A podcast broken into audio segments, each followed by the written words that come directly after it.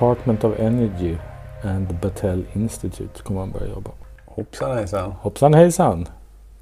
Välkomna till Bortom rimligt tvivel. Vad är det du säger om eh, Kirkpatrick? Man säger att han har fått jobb på Department of Energy Ja. och Battelle Institute. Department of Energy och Battelle Institute. Ja, Det har väl inget med kraschmaterial att göra? nej. Eller belöning för kanske väl utfört arbete. Ja.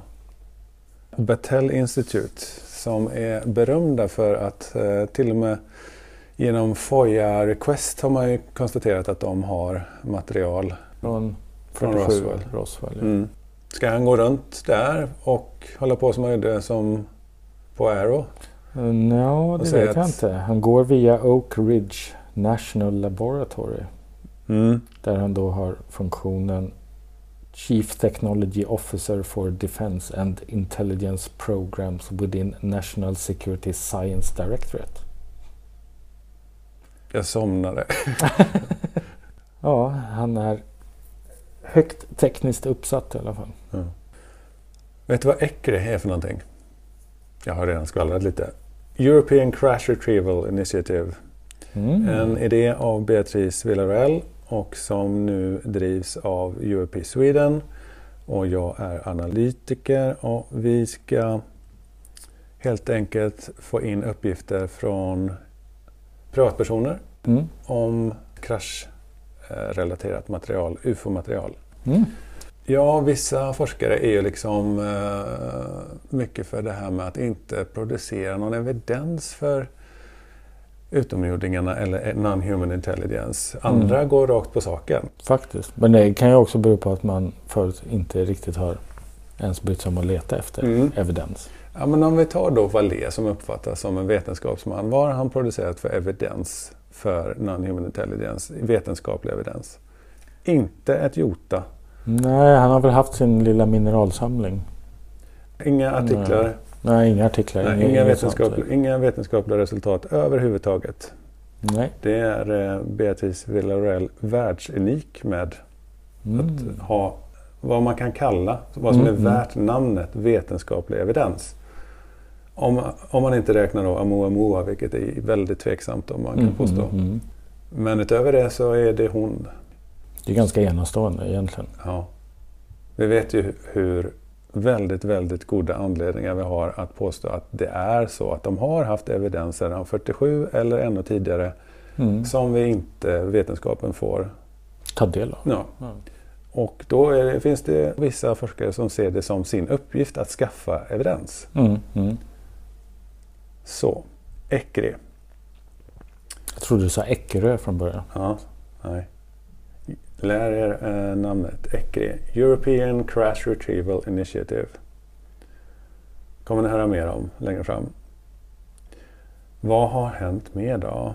Jo, det är så att History Channel har gjort en undersökning i samband med att de lanserade tv-serien The Unexplained.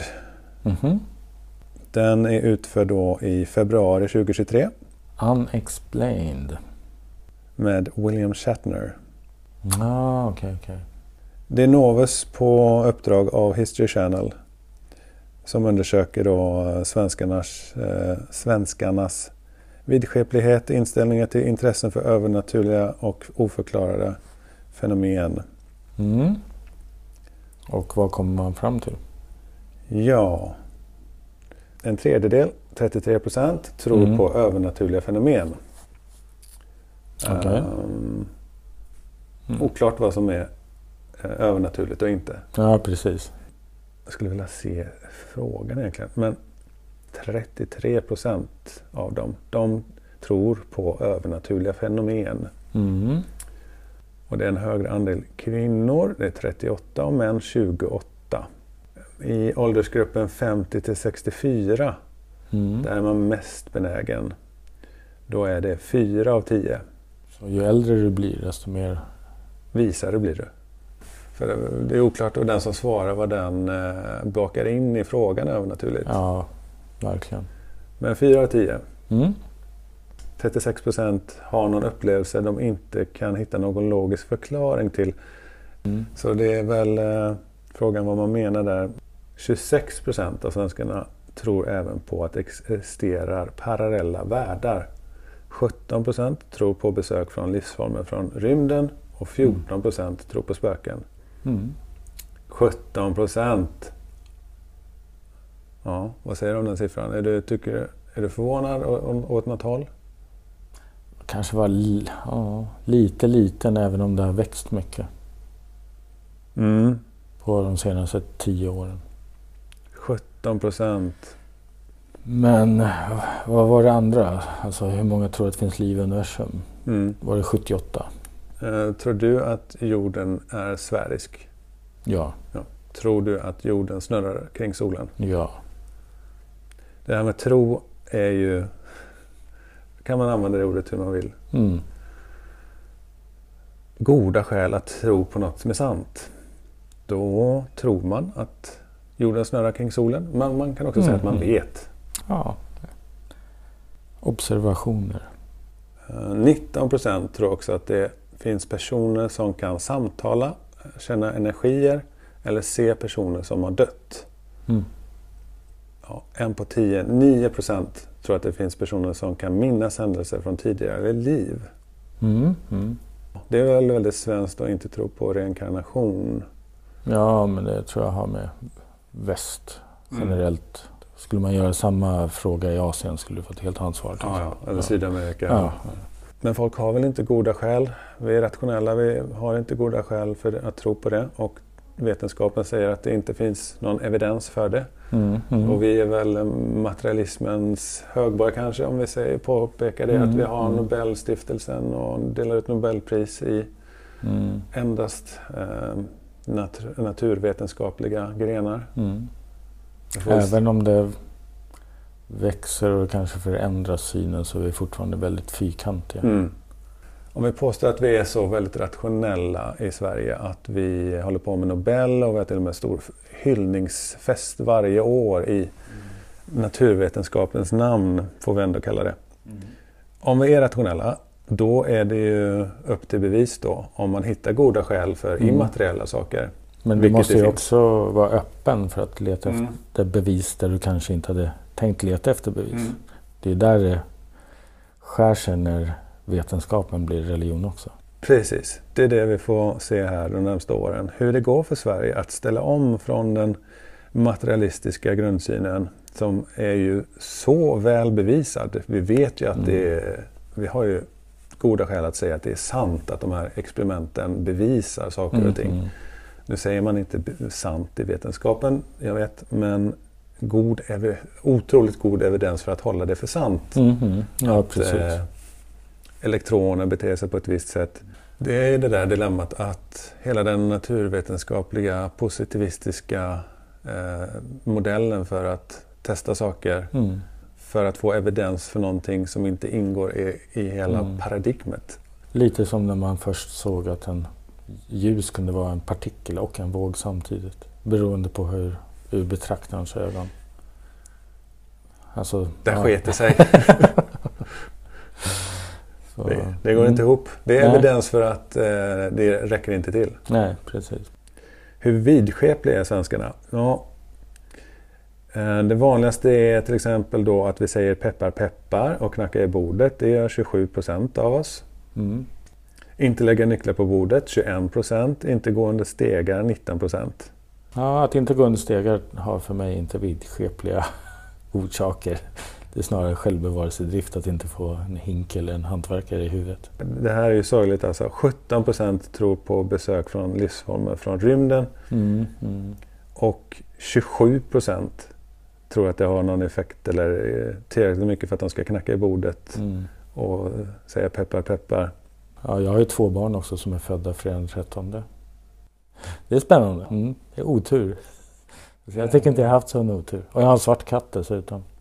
Och jag har haft sönder ett antal speglar också.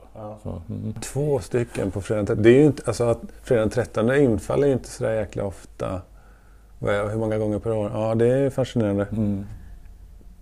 Eh, Jag har en eh, gammal vän som har två systrar. Alla tre är födda på samma datum. Det är lite spännande. Ja, det är lite roligt. Vi har dragit många skämt om hur det var där. Det är lite kul ibland hur det kan bli.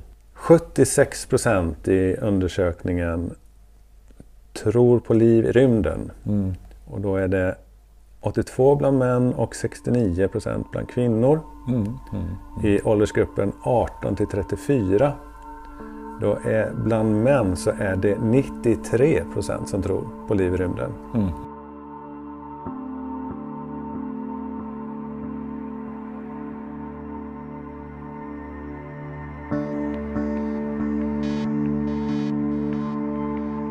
Mm. Du ser diskrepansen här då. Mellan att 76 procent av de som svarar Mm. Mm. tror på liv i rymden. Men endast 17 procent tror på besök från rymden. Och vad beror det på? En mörkläggning av UFO-ämnet och en desinformationskampanj och en psykologisk påverkanskampanj. Eh, att man inte är medveten om att UFOn är på riktigt. Det är den stora förklaringen. Det är den stora förklaringen. Det gjorde man bland annat genom en psyop som vi nog alla kan vara överens om. Det är att man har byggt ett stigma om Mm, ufon Mm. Mm. som gör att folk fortfarande idag, vissa, eh, Mm, skrattar mm, mm. instinktivt åt frågan om ufon. Det är en psykologisk påverkanskampanj. Det har vi evidens för att eh, till exempel eh, både general Sanford och Blanchard startade det här efter Roswell. Mm. Och sen finns det ju Mm. andra exempel men de uttalar sig i pressen om att Blanchard då, att eh, i eh, någon stat i USA där såg man inte, rapporterades inte så mycket ufon. Och det sa han berodde på att det var en dry state, det, Mm, att de var mm. nykterister. Och indikerar då att eh, folk är fulla som pratar om ufon. Det finns ju ett ordagrant citat som jag inte kommer ihåg just nu, men så började man. Det är inte en slump att Blanchard som var högst inblandad i Roswell, han är inblandad där och sen sitter han i pressen och säger att indikerar att folk som rapporterar ufon är fulla. Så då kan vi enas om att det finns, alla kan vara en, eniga om att det finns en psyop som har lyckats och varit framgångsrik. Mm. Ja, det finns ju till och med dokumenterat. Det, det är inte så konstigt. Och just det här att man begränsar sig hela tiden till... Så allt annat är alltså omöjligt. Mm. Det är Ja, precis. jättekonstigt. Precis, man har fått Ja, folk ja. att resonera irrationellt Ja. om eh, besök från rymden. Så nu är vi överens om att det finns en psyop som ni alla har- har sett och upplevt. Stigmat om ufon, trots Mm. att vissa har vetat sedan, ja, vi säger 40-talet då, Mm. Mm. minst. Man ska inte lura sig att tro att det är den enda psyopen som de ägnar sig åt. Nej. Det är klart det inte stannar där, att det är den enda psyopen. Nu är vi överens om att det finns en psyop som ni alla har sett. Stigmat, att folk instinktivt skrattar och inte kan resonera och tro på ufon. Nu tror alla som är intresserade på ufon och har goda skäl Mm. eh, att eh, kalla det för sant.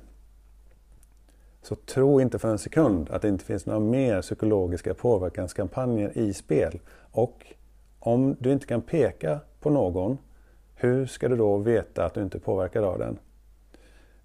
Det finns nämligen lika god evidens som jag kan peka på för en annan psykologisk påverkanskampanj. Det är att tro att ufon kan förklaras utan utomjordingar. Det är helt vanvettigt. Nu gäller inte det här alla. Jag menar, det gäller inte ICER. Mm. Mm. Det är en grupp med väldigt väletablerade vetenskapsmän och andra prominenta personer som har skrivit på en ed om att de har kommit till den slutsatsen. De Mm. heter International Coalition for Extraterrestrial Research. Alla de kan ni eh, kontakta om ni vill och fråga dem ifall de har goda skäl att eh, tro på något, som att hålla något för sant, att Mm. utomjordingarna är här. Mm. Mm.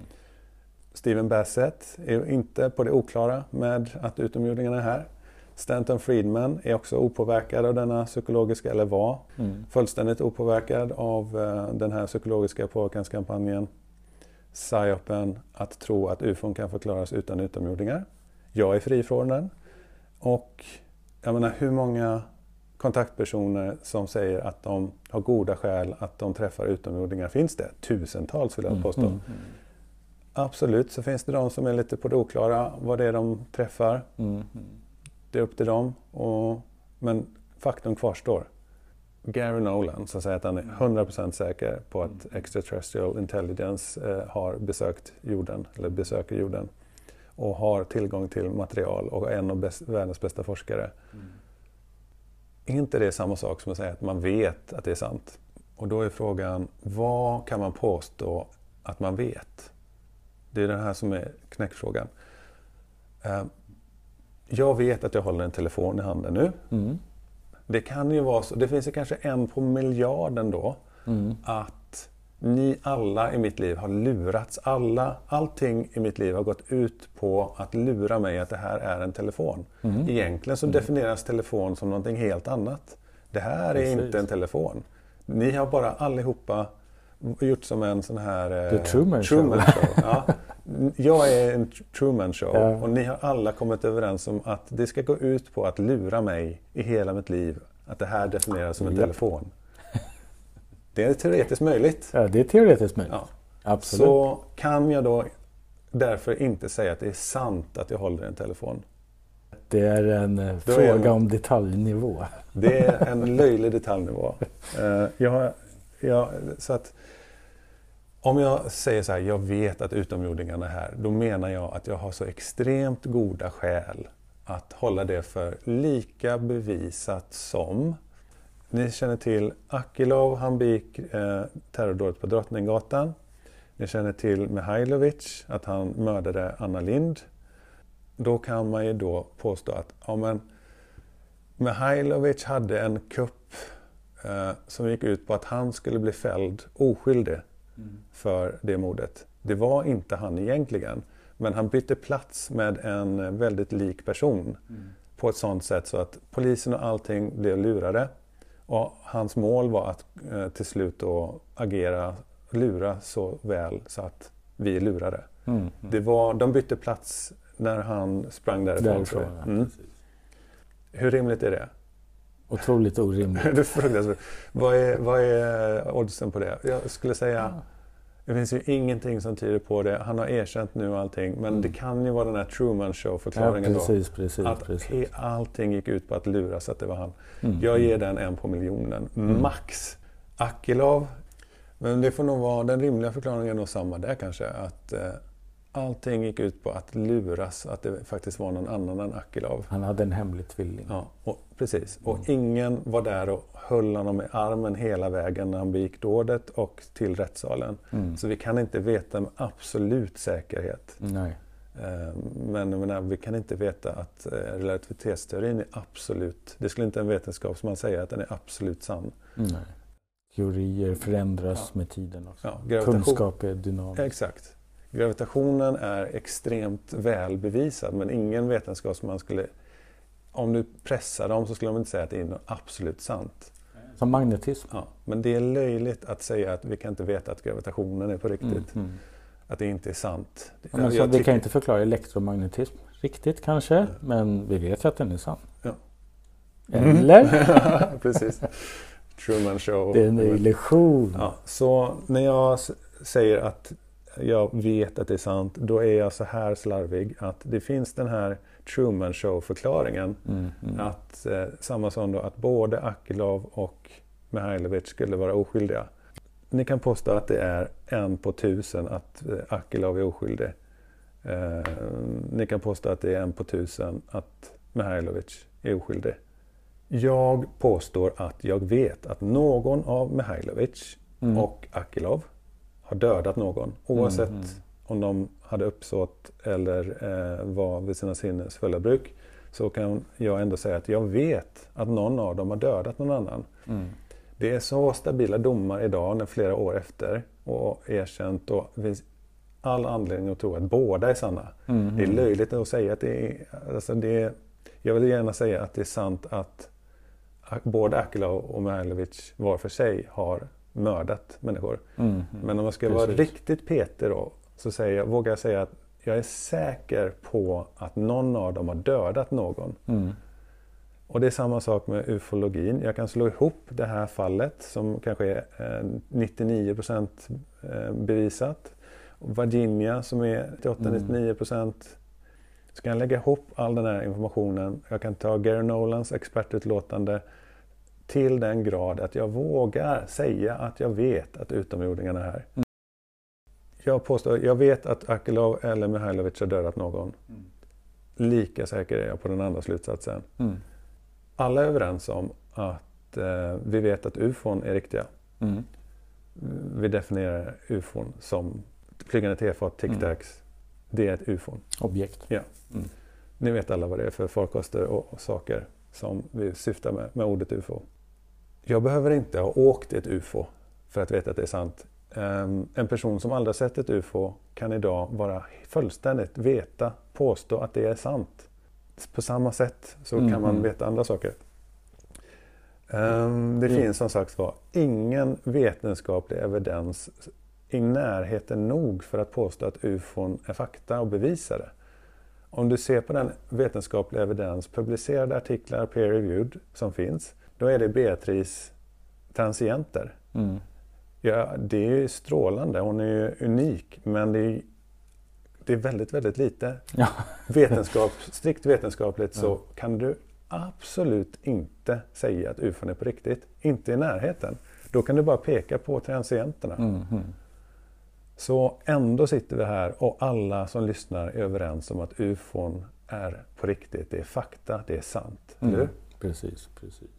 Alltså kan vi använda kunskapsteorin utan att behöva naturvetenskapliga eh, artiklar. Att veta att ufon är sant.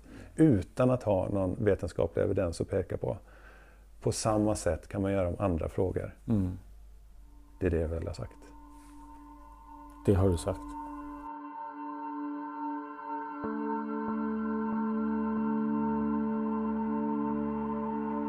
Nu börjar väl också man bli med nya forskare mer och mer som ansluter till det här och vill ta upp det på allvar. Man kan ju koppla det här lite ihop med Gary Nolans fantastiska uttalande om Neil deGrasse Tyson. Mm. Jag vet inte om du har sett det? Nej. Eh, när han ber honom helt enkelt att bara växa upp. Och han borde egentligen inte få vara i närheten av någon jäkla skola för han har inte gjort någon typ av forskningsarbete överhuvudtaget och han borde inte ens få kalla sig för doktor längre. Oj, oj, oj. Så nej, han tyckte det var... Han går emot varenda forskningsed och regel egentligen i sina uttalanden. Utan han är bara en, eh, ska man säga, uppmärksammad, eh, söker uppmärksamhet. Och, mm. He's acting more like a priest. Look at the people who are the most against it. They're actually not practicing scientists. They're opinion scientists. When's the last time any of these people have actually been anywhere near a laboratory or near a measurement device? The signal we get from it is elongated, but it's probably ja. a rubble pile stretched into that shape. Sitt ner och håll tyst Neil deGrasse Tyson. Ja, det är nästan underhållande att lyssna på dem. Eh, vi har ju spelat upp ett antal exempel Eh, vi har något avsnitt med eh, Steven Pinker där han är hos Joe Rogan och säger helt makalösa saker. Jag tror folk börjar mer och mer kanske uppmärksamma sånt. Jim Semivan, han var hos Whitley Strieber och sa ett par intressanta grejer det senaste. Mm -hmm. Han bekräftar MJ12 Oh. Ja, nu tar jag i lite. Men, eh, det är det hintade om det kanske? Ja. Mm. När han säger så Jim Summerman är en väldigt slipad herre. Mm. Som eh, kan Av förklarliga skäl. Kan framställa, ja exakt. Han har ändå varit operativ chef för eh, hur man rekryterar agenter och mm. Mm. Eh, extremt högt uppsatt chef inom CIA. Man ska inte underskatta den gubben. Han, är, eh, han har koll på läget. The big man in Washington. Mm. Nej, men han bekräftar MD12. Uh, Okej, okay, jag ska vara schysst. Han säger inte de orden. Uh, han säger så här. Sa han inte också att you can take what Grush says to the bank? Också har jag för mig. Och han bekräftade crash retrievals. In the very beginning, I think what had happened was Eisenhower, or maybe Truman, but probably Eisenhower, sometime in the early 50s. In other words, to get this whole topic of UFOs and UAPs under control, uh, probably executed a uh, presidential uh, executive action uh, document uh, which basically um, is pretty interesting. Not many people know about, but the president has rather extraordinary powers, and where under extraordinary circumstances he can come out and he can basically say, "Okay, we're going to do X, Y, and Z." And this is who we're going to tell, and this is who we're not going to tell, and that's that's pretty much it. And it has a, a pretty strong legal precedent. Um, then you also have, um, and I think that's what happened. And I think what he did was basically say, I will notify. We'll, make this a, you know, what we now call. Back in those days, we didn't have that, but we, now call a um, uh, uh, a unacknowledged special access program, which basically means that you don't get nobody gets to know what the hell it is uh, uh, unless um, you're on this bigoted list as very, very highly restricted list. And um, usually that would only include the president and, and, probably, well, the president and whoever he, he deems um, uh, necessary for them to know. En liten grupp människor som skulle vara direkt under presidenten sedan Precis. Eh, Eisenhower och Trumans dagar. Som kanske var 12 stycken kanske. Ja, och, kanske det. Kanske ja. en kommitté. Mm. Mm. Jag tror, min gissning är nog på Truman, som han var president 45 till 53. Mm. Så det passar ju bra med Sign och Grudge och allt det där. Och Eisenhower sen kanske tar över. Jag vet inte hur det går till att det inte skulle vara Truman, precis som du mm, säger. Mm. Jag tror Men, det är Truman, Eisenhower tar över och mm. sen efter Eisenhower kanske de märker att presidenten kanske ska uteslutas ja. i det här. Ja. Det, är bara, det är min att, eh, teori. Ja, det är din teori. Du menar då att Eh, Eisenhower blev orolig för att det här gled ur händerna och, ja. till de privata företagen. Och Kanske att han, the military industrial ja, complex. Att han, mm. när han mm. avgick, att han beklagade sig över det i presidenttalet. Kan, det, kan det rimma med ja, allt annat? Det, det, det känns trovärdigt i alla fall. Det är inte bara som ett sammanträffande mm. kan jag tycka. Men eh, Jim Semmerman är ju inte officiellt anställd längre så att då är det inte det här en officiell uppgift och då räknas det inte. Nej, just det. Precis. Det är skillnad på folk och folk. Mm. Det bästa exemplet är väl Grush. Det är några mm. månader efter som han är vittnar. Som han, är, alltså han var anställd fram tills eh, maj. Precis, precis. Och, och, då är det inte officiella uppgifter. Inte så hade man haft minsta lilla skit på honom, förutom det man försökte med från början med hans mentala hälsa, vilket han själv har erkänt och pratat om öppet, så har man ingenting att ta på. Nej, det är en och, garanti att hade det eh, funnits något så hade det grävts fram. Och när politikerna var i det här nya SKIF-mötet mm, just det. med Inspector General, då var det ju, de kanske inte fick veta jättemycket men deras tanke om Grush och att det är något som pågår stärktes. Tycker jag alla sa ganska tydligt. Mm. Och att det börjar bli dags för field hearings och lite annat. Just det. Det är då de åker ut och... Besöker, mm. knackar på dörren. Det vore jättekonstigt om han har ljugit ihop alltihopa och hittat på och lurat Inspector General också som i sin tur lurar politikerna. Vi vet att crash retrieval mm. är på riktigt. Det finns inga rimliga tvivel och det finns inga, ingen kan peka på någon alternativ förklaring. Nej. Du har ända, alla vittnen från Roswell, alla vittnen från Virginia stödjer mm, mm, mm. crash retrieval. Uh, den konspirationsteorin för att få ihop det, att det här inte är sant, det är fullkomligt orimligt. Ja, vi behöver inte veta detaljerna. Uh, om vi bara ställer frågan Eh, är det, ha, kraschar ufon och samlar amerikanska hemliga program upp dem, mm, mm. eh, tefatet, då den frågan är besvarad. Mm. Vi har Lakatsky, Elizondo och Kelleher som bekräftar det. Och Lakatsky first hand. Ja. Nu ska det bara officiellt erkännas. Mm. Eh, sen vet vi inte detaljerna. Det vet Nej, vi inte. Vet vi. Men... det är de som är de spännande.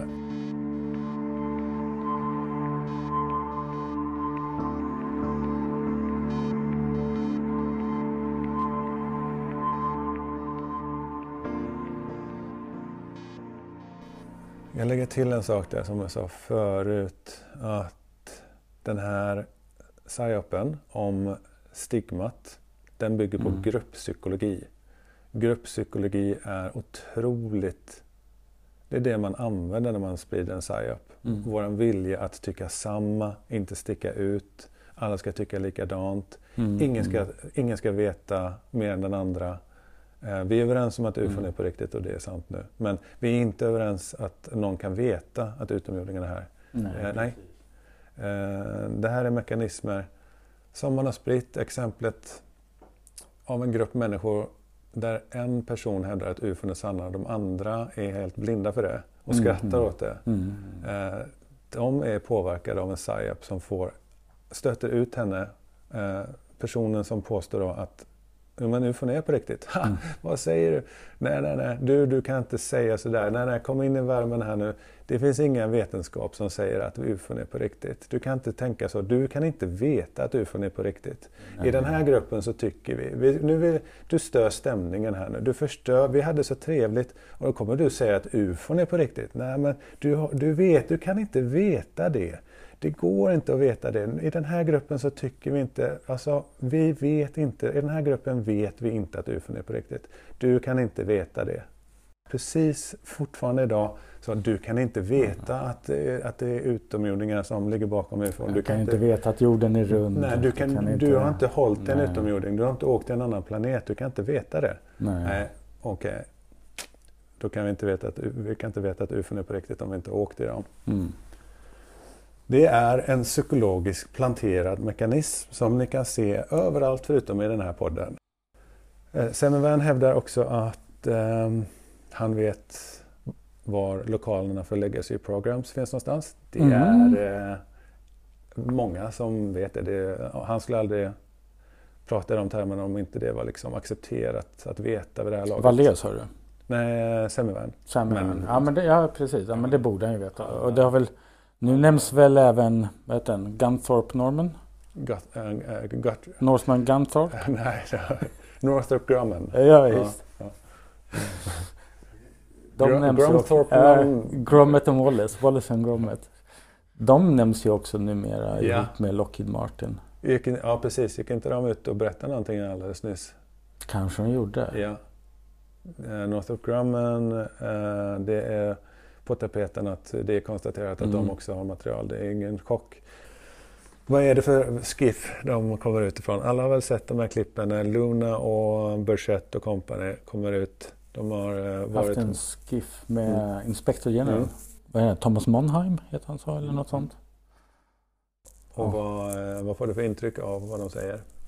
Eh, Jag tror att allas misstanke, eller vissa har i alla fall fått det de tror bekräftat. Mm. Att David Grush talar sanning Mm. och att det finns material som man kan gå och titta på Mm. om du blir, har rätt att göra det så att säga. Mm. Så jag tror eh, det var ju i, de fick ju kanske inga förklaringar utöver att det de har hört stämmer nog. Mm. Mest sannolikt.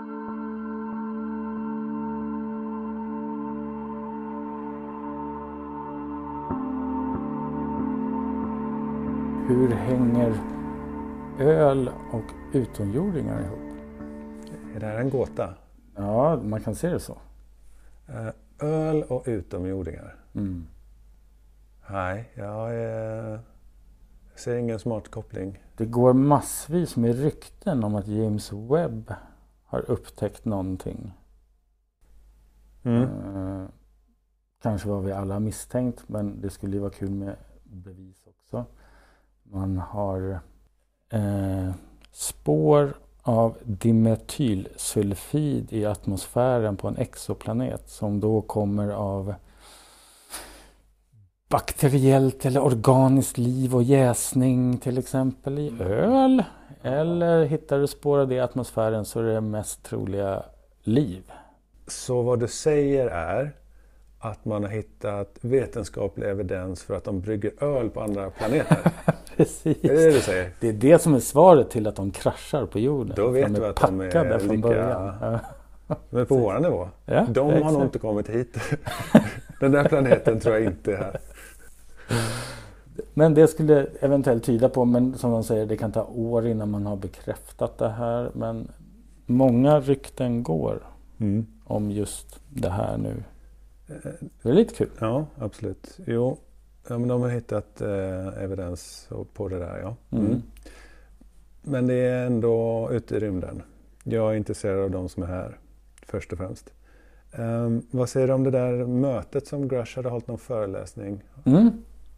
Det är väldigt kul. Han höll ett privat möte eller en föreläsning slash presentation för ett antal människor inom underrättelsetjänsten, tech, Silicon Valley-människor, eh, Wall Street-människor.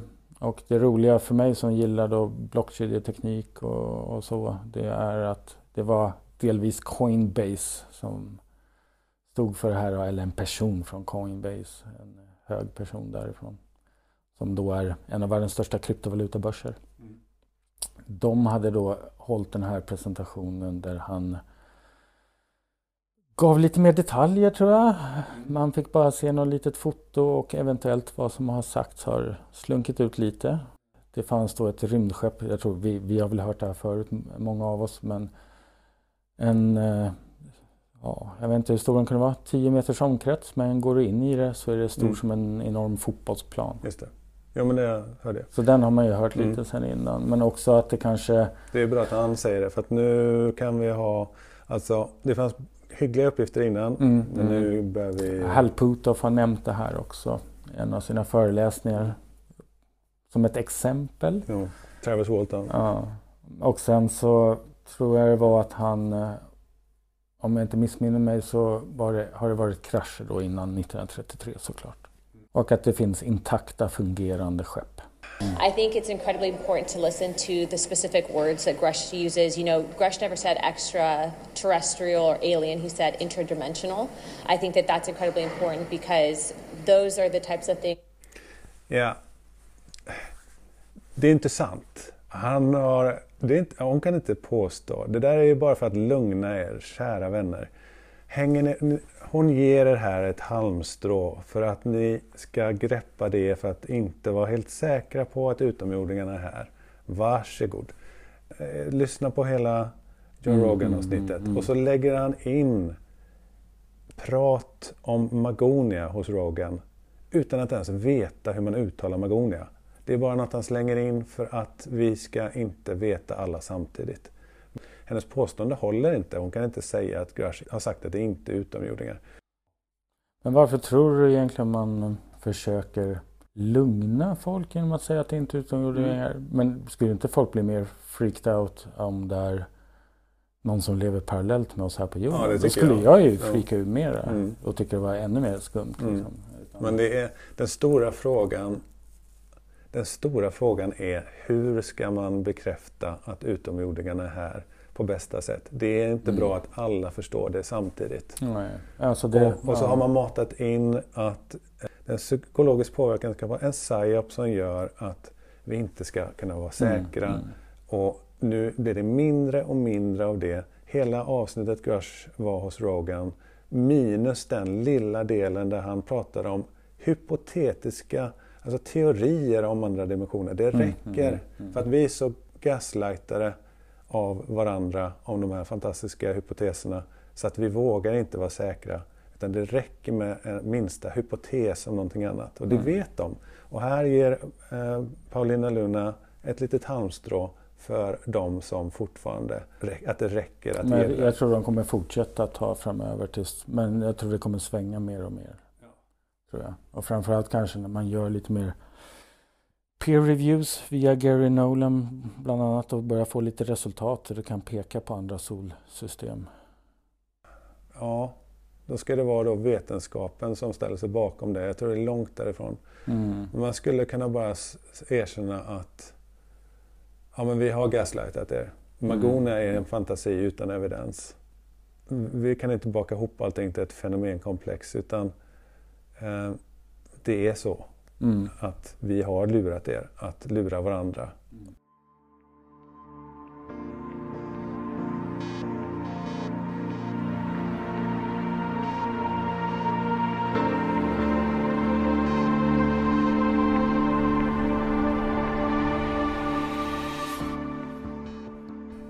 Corbell har lagt ut en video och gjort massa poddar och grejer om någon som kallas för uh, Jellyfish, Jellyfish. UFO. Mm. En video i infrarött där vittnena säger att de kunde inte se det med blotta ögat men det är ett föremål, ett objekt som färdas långsamt och, och stilla och sakta mak. Alla, alla som lyssnar har sett den här nu. Men för er som inte gjort det, över en militärbas i eh, Mellanöstern. ja. Ja. Och den eh, är filmad under någon, ja, en ganska god stund. Mm, mm. Man måste titta på bilderna för att veta vad man pratar om. Det går inte att beskriva så bra. Men eh, Corbell verkar helt blind för eh, att det här skulle kunna vara förklarat av en ballong. Mark D'Antonio är astronom och chefsbild och videoanalytiker på MUFON och är enligt mig nummer ett. Om det är någon auktoritet jag skulle peka på på att göra den här bedömningen så är det han och han skriver i ett utlåtande att han, eh, ja, nej men han har kommit fram till att det är ett knippe ballonger som man använder vid när man firar Eid i Mellanöstern. När man firar Eid så är det olika ballonger och så är det några bokstäver längst ner då, Eid. Eh, och det stämmer ju fullständigt med filmen att det är ballonger enligt det som jag förstår det. Mm, I och med mm. att den temperaturskiftar med bakgrunden. Alltså Ja, jag såg den, det på de här stora cement. att den är lite lagom genomskinlig. Mm, mm. Värmestrålningen går igenom ballongerna och förvrängs Mm, lite grann. mm. Men man ser ju att den ändrar eh, temperatur. Då, Mm, alltså ja, precis, precis. precis som det vore en ballong.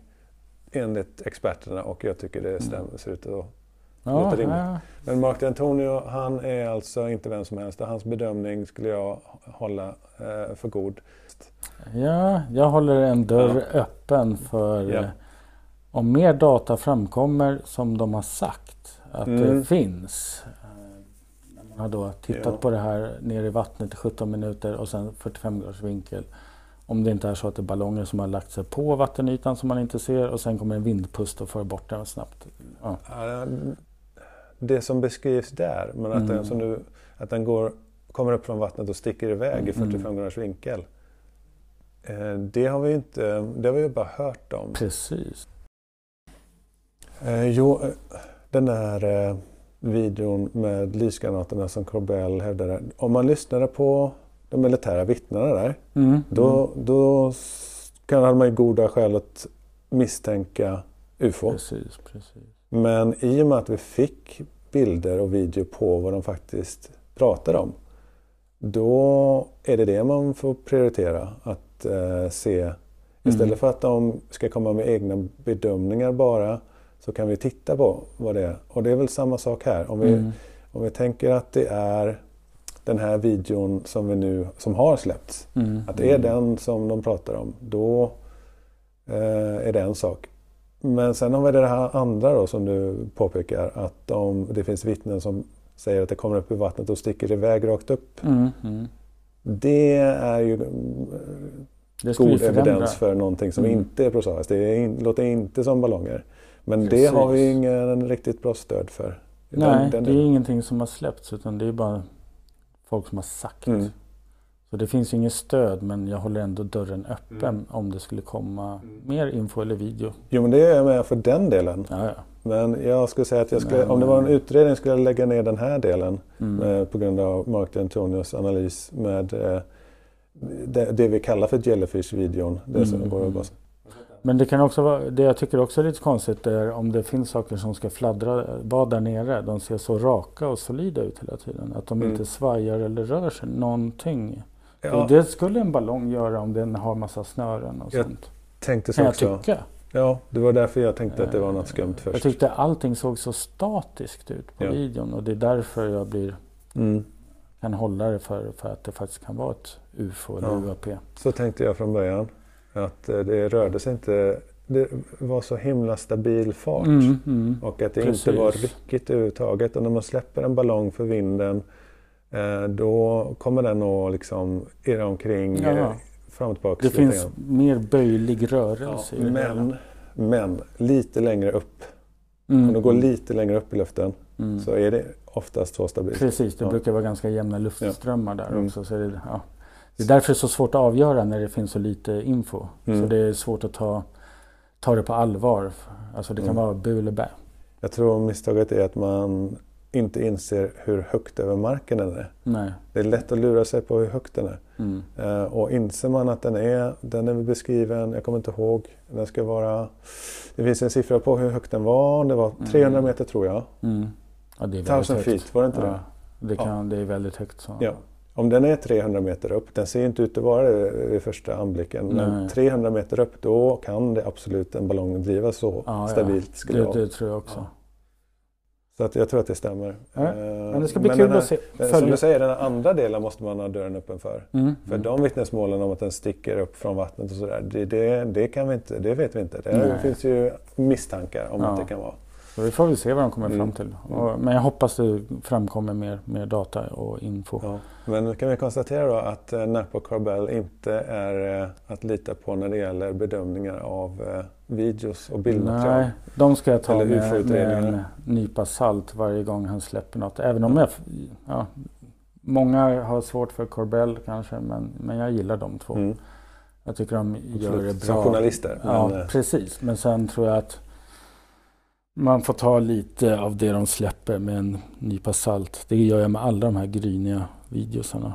jo, men det tills här det med finns att göra. UFO-utredningar kräver erfarenhet och jag ser inte att de Mm, har mm. någon. Nej. Faktiskt. Trots att jag menar, NAP har varit med länge och grävt De har andra kvaliteter kan man säga. De Det är det han kan. Mm. Alltså att han har inte satt sig och gjort massa UFO-utredningar verkar det som. Vi har ingen anledning att tro att han skulle vara mer erfaren på det. Nej. Han har inte påstått att han är det heller. Men Nej. han kanske borde vara lite mer försiktig med, eh, som när han sa att eh, om inte det här är en bra bild på ett UFO så vet jag inte vad det är om eh, lysgranaterna. Jag kan säga vad en bra bild på ett UFO är. Den är kristallklar 4K HD. Mm.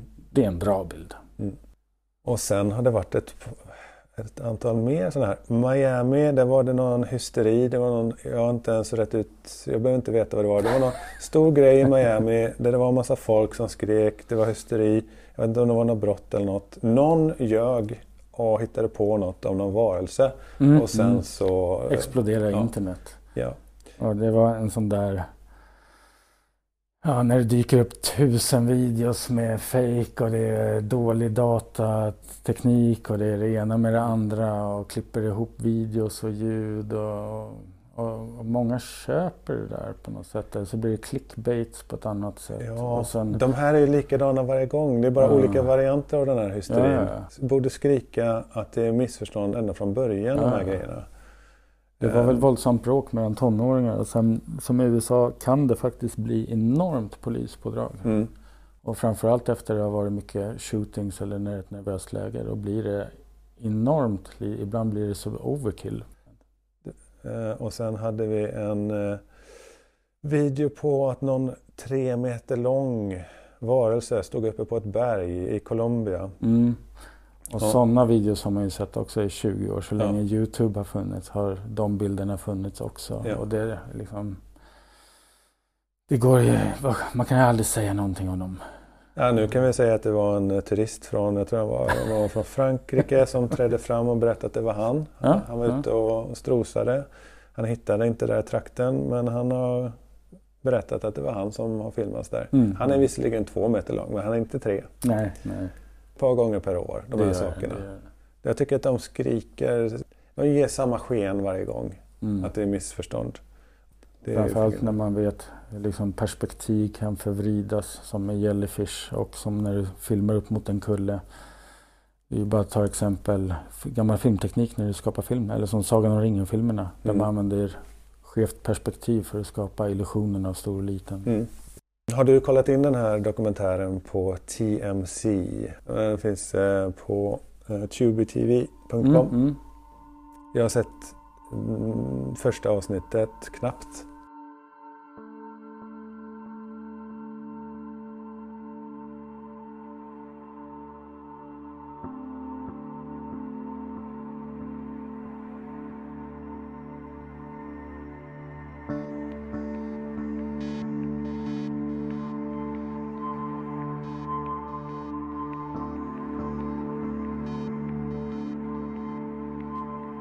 TMC har gjort den här dokumentären. James Fox kommer med The Program i sommar troligen. mm. Men du vet det här eventet som vi har pratat om. eh, med massa höjdare och förstahandsvittnen.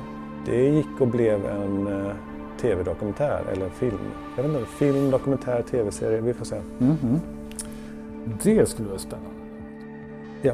Jag tycker man har sett och plöjt det mesta inom ufo-dokumentärer så det vore ju kul med något Riktigt hot stuff. Mm. Mm. Nej, men här utlovas det ju väldigt eh, omvälvande, stabila fakta. Vi får väl se. Jag vet inte vad det är i sak som ska...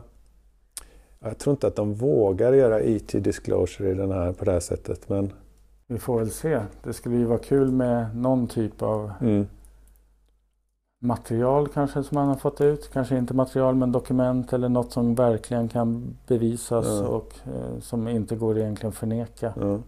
det ska förändra diskussionen. Ah. Hur kommer de låta då? Det kliver fram ett gäng förstahandsvittnen Ja. och bekräftar att eh, de har hållit... bakgrunder. Ja, precis. Och så berättar de att de har eh, hållit det här, Mm, de har mm. undersökt det här. Vad gör man då? Jo, då säger man vi ska ha vetenskaplig evidens och vetenskaplig konsensus. Mm. Först Mm. då kan vi veta. Trots att vi redan nu kan veta. Men det är inte det intressanta. Det är ju vad är, vad är det för material? Mm. Vad, vad är det för teknik? Hur funkar Hur är det tekniken? byggt? Hur kommunicerar de? Eh, det är det som är det intressanta. Vi vill se dem intervjuas Mm. en video på när de intervjuar en eh, Virginia-varelse. Mm. Mm. Tänk det. Det skulle vara häftigt. Herregud.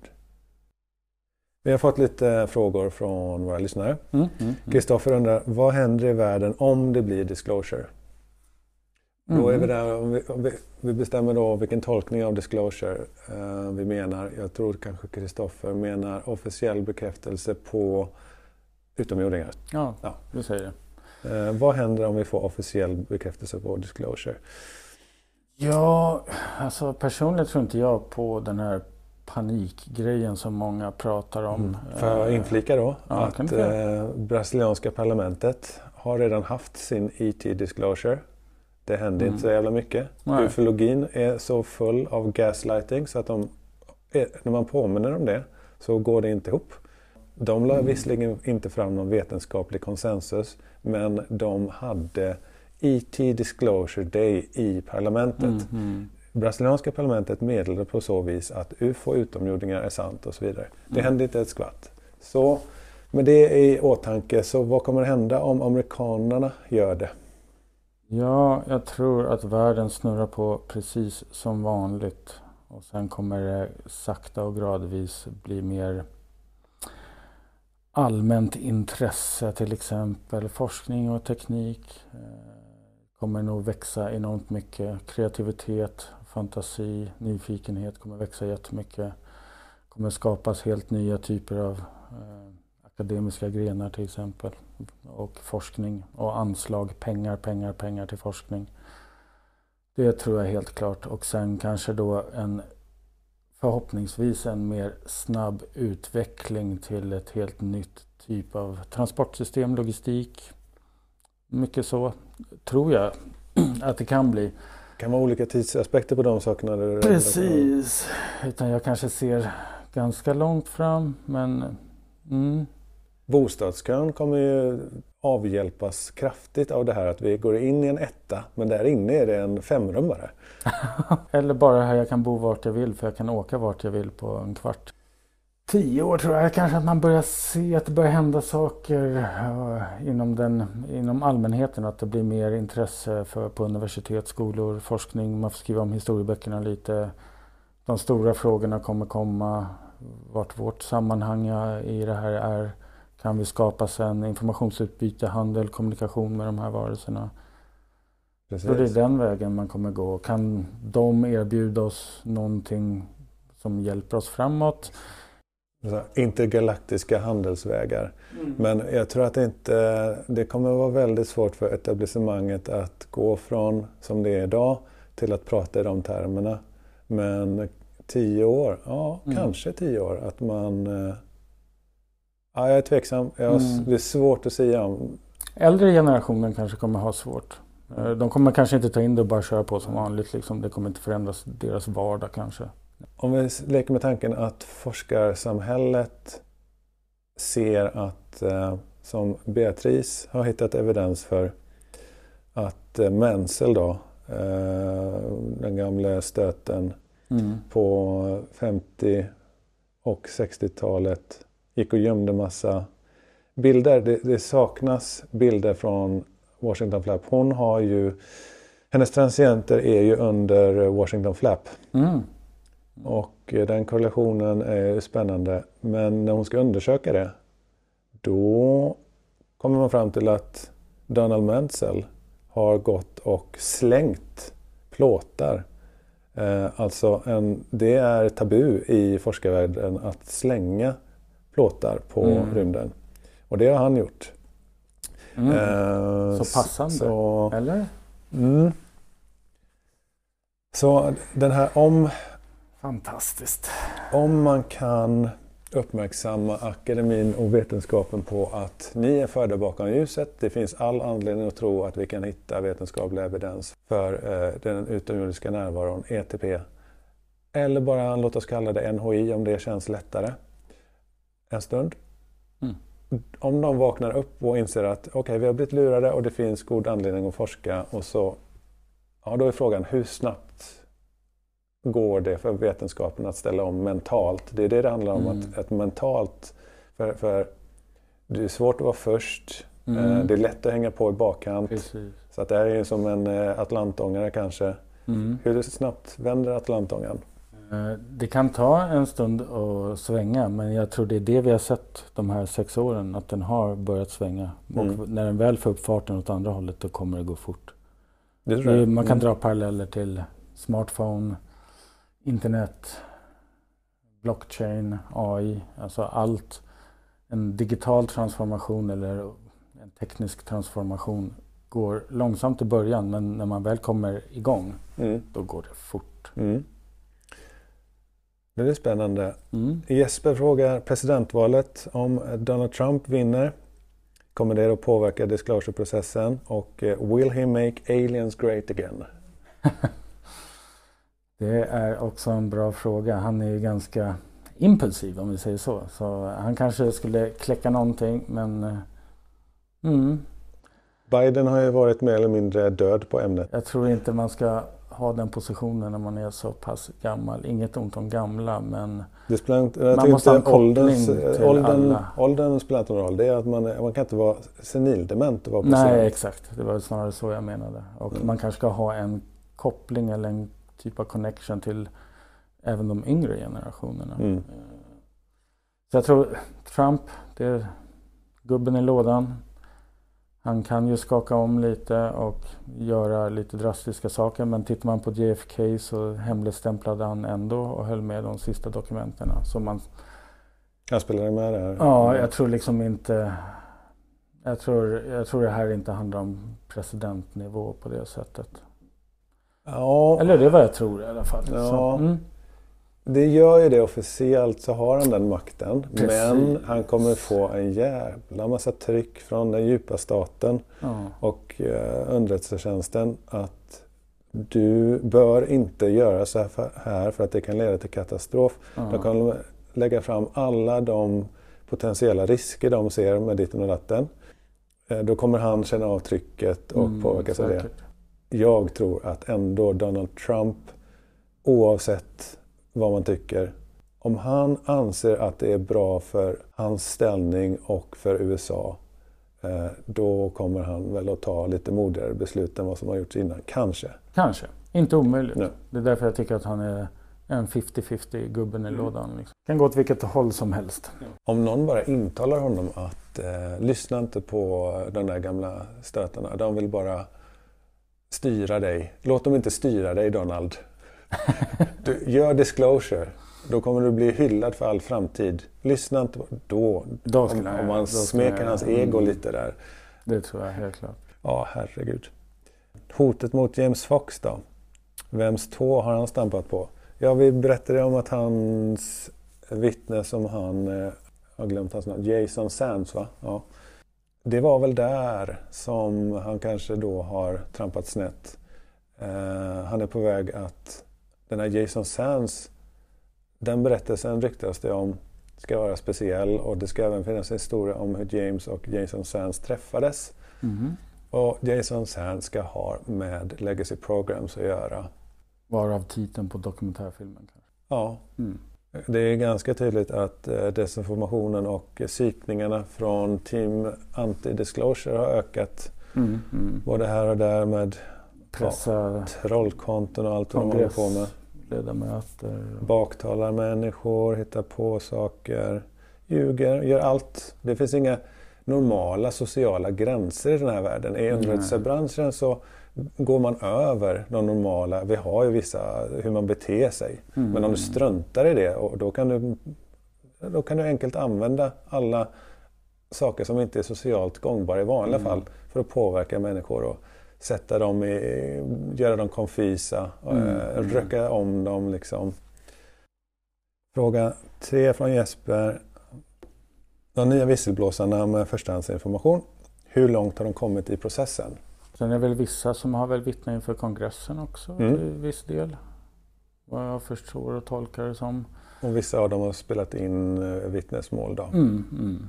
Och sen pratar de väl om nya hearings också. Så vi får väl se vad det tar vägen. Men jag, jag tror det kommer framkomma mer. Eller som ryktena säger med filmer och liknande. Jag såg Mm. något uttalande om det var Eric Davis som också sagt att han är ett first hand witness.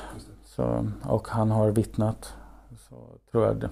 jag hoppas att 2024 blir året då vi får ta del av många mer vittnen.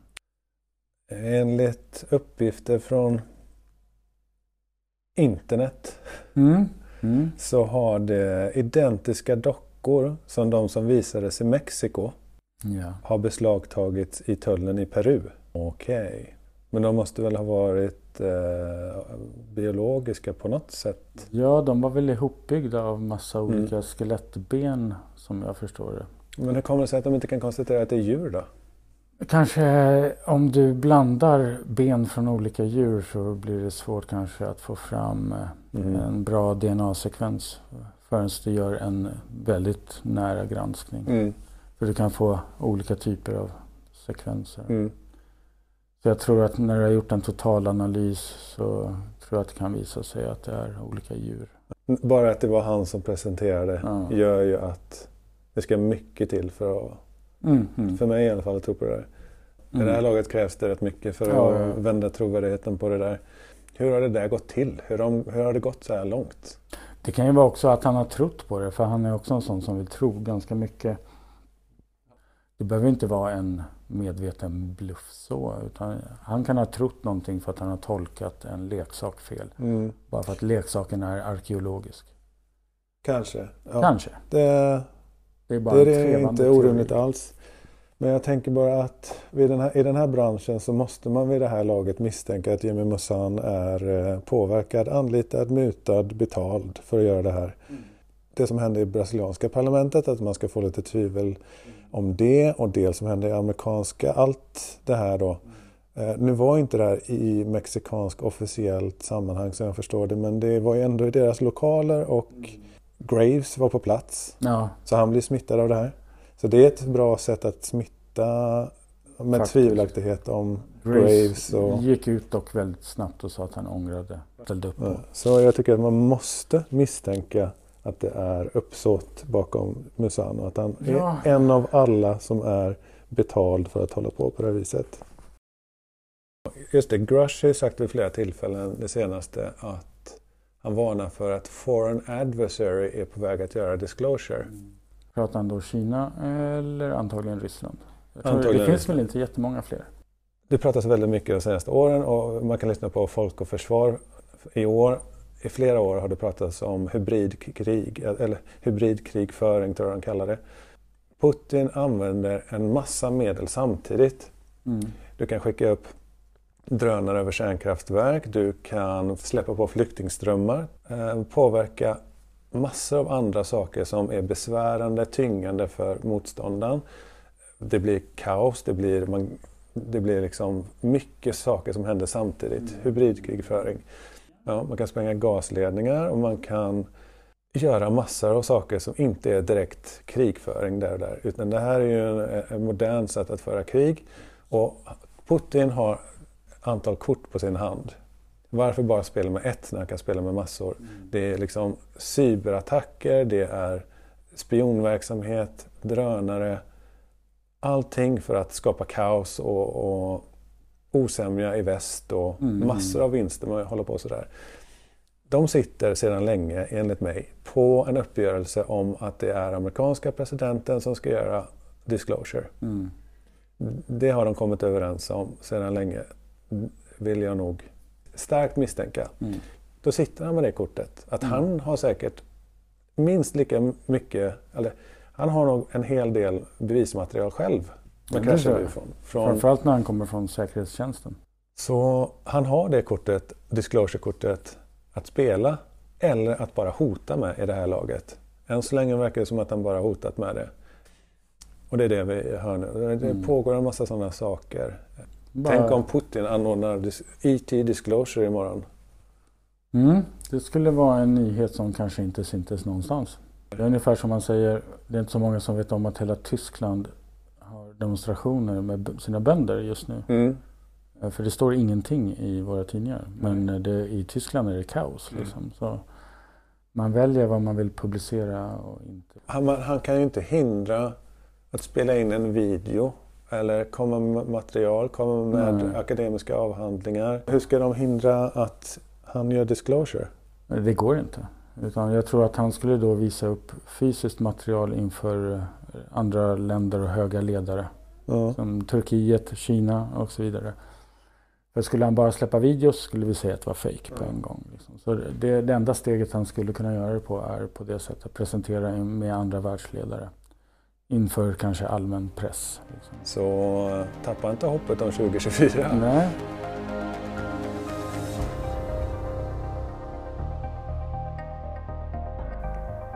Avslutningsvis vill jag meddela att Beatrice Villaroels artikel är ute på The Debrief. Den heter The Vanishing Star Enigma and the 1952 Washington DC UFO Wave.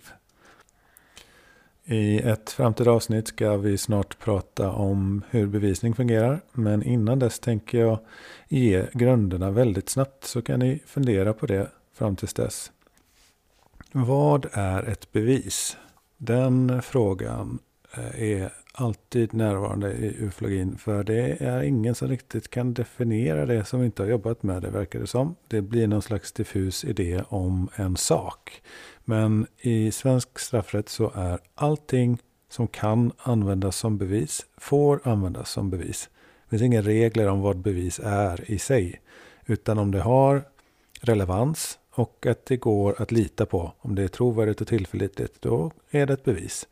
Du kan hitta på egentligen vad som helst som talar för ett åtal eller en teori. Det är samma grundidé. Man bygger bevisning genom att addera den och då är inte olika uppgifter adderas inte som pekar åt samma håll som 1 plus 1 lika med 2. Utan om du till exempel har två oberoende vittnen som stöder samma sak. Då blir det inte 1 plus 1 lika med 2 utan det blir 3, 4 eller 5. Det är ett citat från en eh, domare. Han jobbade på hovrätten eller hade gjort det hela sitt liv snarare. Han föreläste på någon kurs som jag gick för tio år sedan eller någonting sånt där. Han eh, poängterade just det att det blir inte 1 plus 1 lika med 2 utan det blir 3, 4 eller 5. Och i ufologin så finns det olika ufo-fall som inte har med varandra att göra överhuvudtaget som kan stämma, stödja ett, en och samma fråga. Att översätta det, straffrättens modell till att undersöka ufologin är inte alls svårt. Det behöver inte betyda att man undersöker just ett brott, utan man undersöker en fråga. Du kan ställa, utreda vilken fråga du vill med samma metod såklart. Det behöver inte vara just ett brott.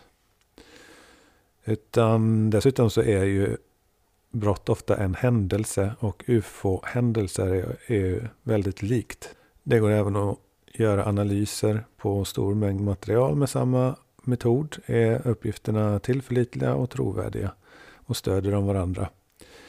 Och sen är det signifikant om det finns någon alternativ gärningsman, en alternativ förklaring. Och vad har den för konkret stöd? Allting handlar om konkreta omständigheter som talar för du kan inte bara lägga fram ett åtal, du kan inte bara lägga fram ett försvar.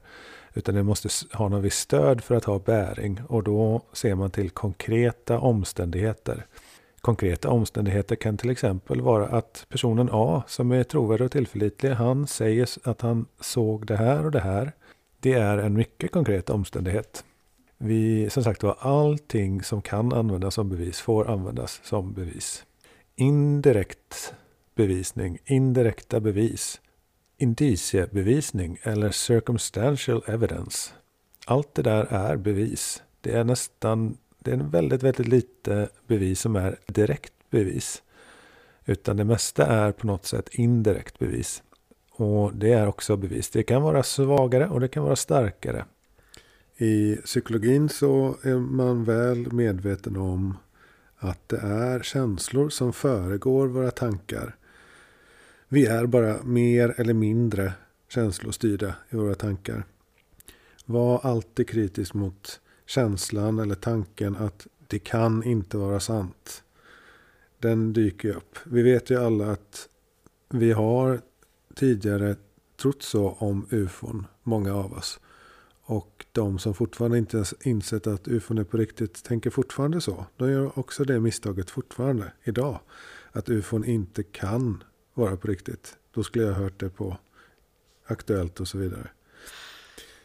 Och det är samma sak om andra frågor i ufologin. Gör inte det misstaget om andra frågor att det känns som en konspirationsteori. Och konspirationer finns det som avgör om det är en konspiration eller en konspirationsteori, det är vad det finns för konkreta omständigheter till stöd för den. Precis som jag förklarat här innan. Konkreta omständigheter som stödjer varandra och se till om det finns en alternativ förklaring om den har konkret stöd i verkligheten. Istället för att känna att någonting är en konspirationsteori. Ni minns att Grush sa, har vittnat om att det finns en sofistikerad desinformationskampanj och den innefattar ju såklart personer med inflytande. Så var beredd på att inte tänka tanken det kan inte vara sant. Anna Paulina Luna är inte så insatt i detta så hon avslöjar ganska väl vad det är som pågår. Hon är inte ärlig med er. För hon tycker det är för ert bästa. När hon säger att Grush inte har pratat om utomjordingar. Och glöm inte att lyfta blicken mot Europa. Stirra inte på USA när det gäller Grush uttalande att eh, det finns en sofistikerad desinformationskampanj och att media är påverkat. De frågorna tenderar vi till att bara relatera till USA. Men ta en titt på Europa. Vad är det som pågår här? Pågår det fri rapportering i Europa om ufo och ufologi? Och hur är det med ufologin i Europa? Det är nämligen tydligt att det är tänkt att vi ska blicka mot USA och bara stirra ditåt. Och inte uppmärksamma hur det faktiskt ser ut här på hemmaplan i EU, i Europa. Och det verkar som att vi går på det ganska rejält. För visst är vi väldigt fixerade på USA och vi glömmer att fråga oss hur är det i andra medier i Europa? Ja, det är inte helt olikt Sverige vad det verkar som. Jag märker på väldigt många att de har tvivel som är känslomässiga. Känslomässiga tvivel på den utomjordiska närvaron. Det kommer sig från hypoteser som saknar direkt evidens för sin existens. Den utomjordiska citat hypotesen den har inte det problemet. Den har direkt evidens för sin existens genom vad det finns för goda skäl att tro det finns jordlika planeter där ute. Och uppskattningsvis så är de uppe i 40 miljarder uppskattade jordlika planeter i vår galax. Det saknas inte direkt evidens för en jordmån för den så kallade hypotesen. Men däremot de här känslomässiga tvivlen om den utomjordiska närvaron, de kommer sig från hypoteser som saknar direkt evidens. Det här eldas på av de som vill förvirra om den utomjordiska närvaron. Man stöttar de här hypoteserna och fantasierna. För att ni ska ha så mycket känslomässiga tvivel som möjligt. Och det finns någon form av gruppskonsensus om att vi ska vara gaslightade. Att vi inte kan veta om den utomjordiska närvaron. Vi kan aldrig bli säkra på den för det finns de här hypoteserna där borta. Så det påminner vi varandra om varje dag. Det ser jag varje dag att man har den här bilden av att vi har en konsensus. Att de här hypoteserna finns så därför kan ingen vara säker på det. De här idéerna är sådda från början, precis samma sätt som stigmat är de här idéerna sådda. Men, och sen, sen så växer de och vidare av sig själva och det är samma med de här idéerna. Och när jag säger de här sakerna, då är det alltid samma reaktion. Att man tror att jag säger att det här motbevisar alla andra hypoteser. Men det gör det inte. Det är ungefär som att man åtalar person A. Så kan man fortfarande åtala person B. Då får man bygga ett åtal eller en teori åt det hållet och försöka bevisa den. Det är så man gör. En fråga i taget. Man bakar inte ihop allt till ett enda stort fenomenkomplex. Vill man prenumerera så är det via Spotify som gäller. Vill man stötta på andra sätt, till exempel genom Swish, så finns det uppgifter i avsnittets beskrivning om det också. Och tillsammans med länken till Beatrice eh, artikel och annan information. Tack jordingar för att ni har lyssnat. På återhörande.